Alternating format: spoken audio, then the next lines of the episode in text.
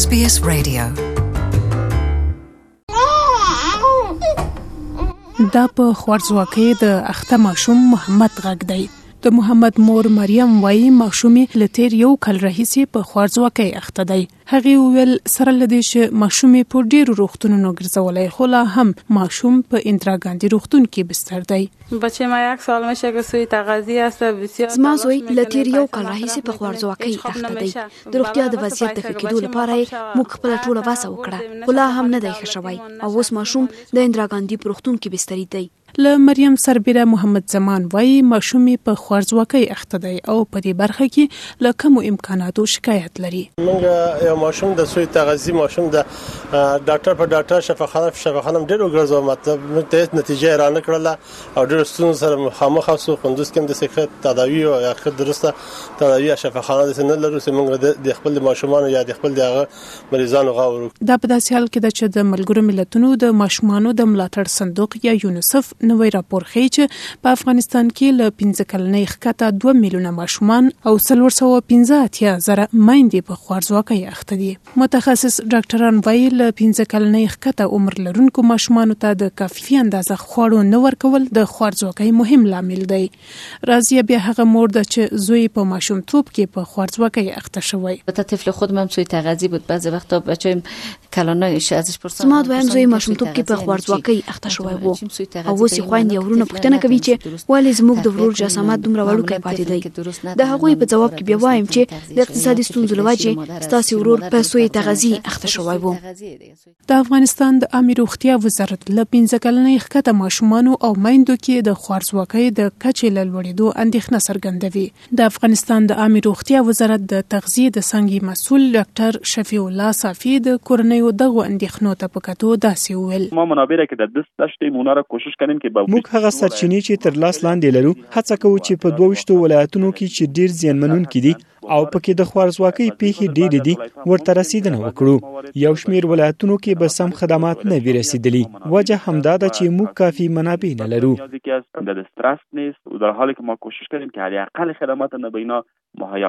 ډاکټر صاحب وایي په سلور دیرش ولایتونو کې د خوارځواکۍ د پیښو د کمولو لپاره بیلابیل روغتونونه فعالیت کوي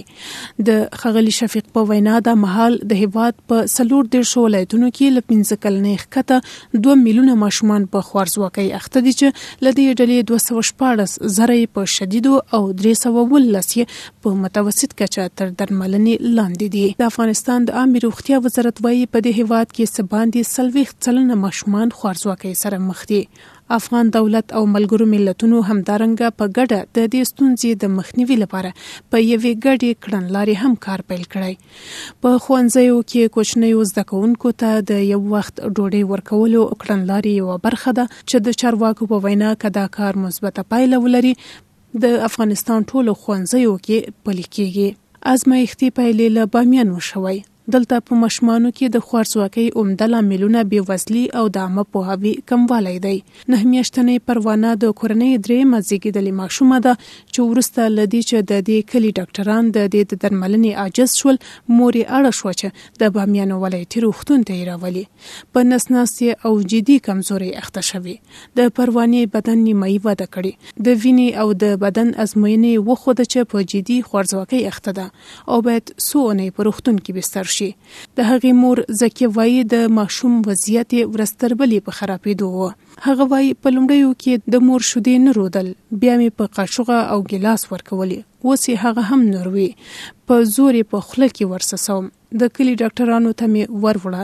وی ویل موږ یې په ناروغۍ نه پوهېږو او یوازې یې د قوت شربت ورکړ. زک یې په اتلس کلنۍ کې لومړی ماشوم زېږولی، مېړی امنیتي سرتېری دی او د میاشتې په اوسط ډول پنځلس زره افغانۍ معاش لري. د دوی دوه لومړني ماشومان روغ دي، خو یوازې درېیم یې له خوارځواکۍ کړېږي. په بامیانو کې تر پنځه کالو کم عمره ماشومانو څه باندې لس سلنه یې له خوارځواکۍ سره مخ دي. کچالو او د غنمو ډوډۍ د بامیانو د اوسیدونکي د اوسیدونکي معمولي خواړه دي. د ملګرو ملتونو شمیرې ښیي چې په دې ولایت کې د هرو سلو زده کوونکو ترمنځ له لسو شلو یې له ټیټ قد او نورې خوارځواکۍ سره مخ دي. د بامیانو د روغتیا رئیس وایي، په بامیانو کې فقر او د عامه پوهاوي نشتوالی د خوارځواکۍ عمده لاملونه دي. د بامیانو ډیری اوسیدونکي بزګري کوي، د دوی ډیری کرنیزې کروندې للمې او هیله یې ټوله واورې او باران ته وي. کچالو او د غنمو ډوډۍ د بامیانو د اوسیدونکي معمولي خواړه دي. د دې ډلې بله دنده د بامیانو د ښار لس میټرۍ کې د سرخدر ښوونځي د لومړي تر دریم ټولګي د شاوخوا درې سوه پنځوس زده کوونکو ماشومانو لپاره د خوړو پخول دي. زهرا وايي، نن مو د درې سوه اته څلوېښت زده کوونکو ماشومانو لپاره خواړه چمتو کوو. شوله مو چمتو کړې، هره ورځ بېل بېل خواړه پخوو، ځکه کله انرژي لرونکي خواړه او کله مېوه ورسره ورکوو، ځکه پر ماشومانو یې اغېز ښه دی. زموږ ننني خواړه وریژې، کچالو، لوبیا، ګازرې، رومیان او پیاز دي. رسمي شمیرې ښیې چې څلور پنځوس سلنه افغانان بې وزله دي او لږ تر لږه څلور څلوېښت سلنه نور خوراکي خوندیتوب نه لري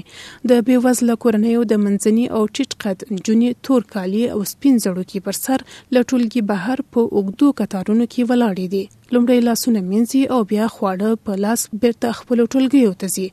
د بامیانو په دغه ښوونځي کې زده کوونکو ته د یو وخت خواړه ورکول یو ازمایښتي پروګرام دی چې ملګرو ملتونو او افغان دولت په ګډه خوارځواکۍ د لمنځه وړلو لپاره پیل کړی ټاکل شوی دوه کاله وروسته د دې ښوونځیو د زده کوونکو د ودې کچه د نورو هغو ښوونځیو سره پرتله شي چې زده کوونکي پکې خواړه نه ترلاسه کوي. د ملګرو ملتونو د خوراک او کرنې ادارې ځايي استازی وايي، که د دې ازمایښتي پایله مثبته وه، دوی به خوارځواکۍ د مخنیوي لپاره یوه ښه لاره ومومي. سره له دې چې دې هدف ته رسېدل ستونزمن ښکاري، خو د بامیانو سیمه ییز چارواکي هیله لري چې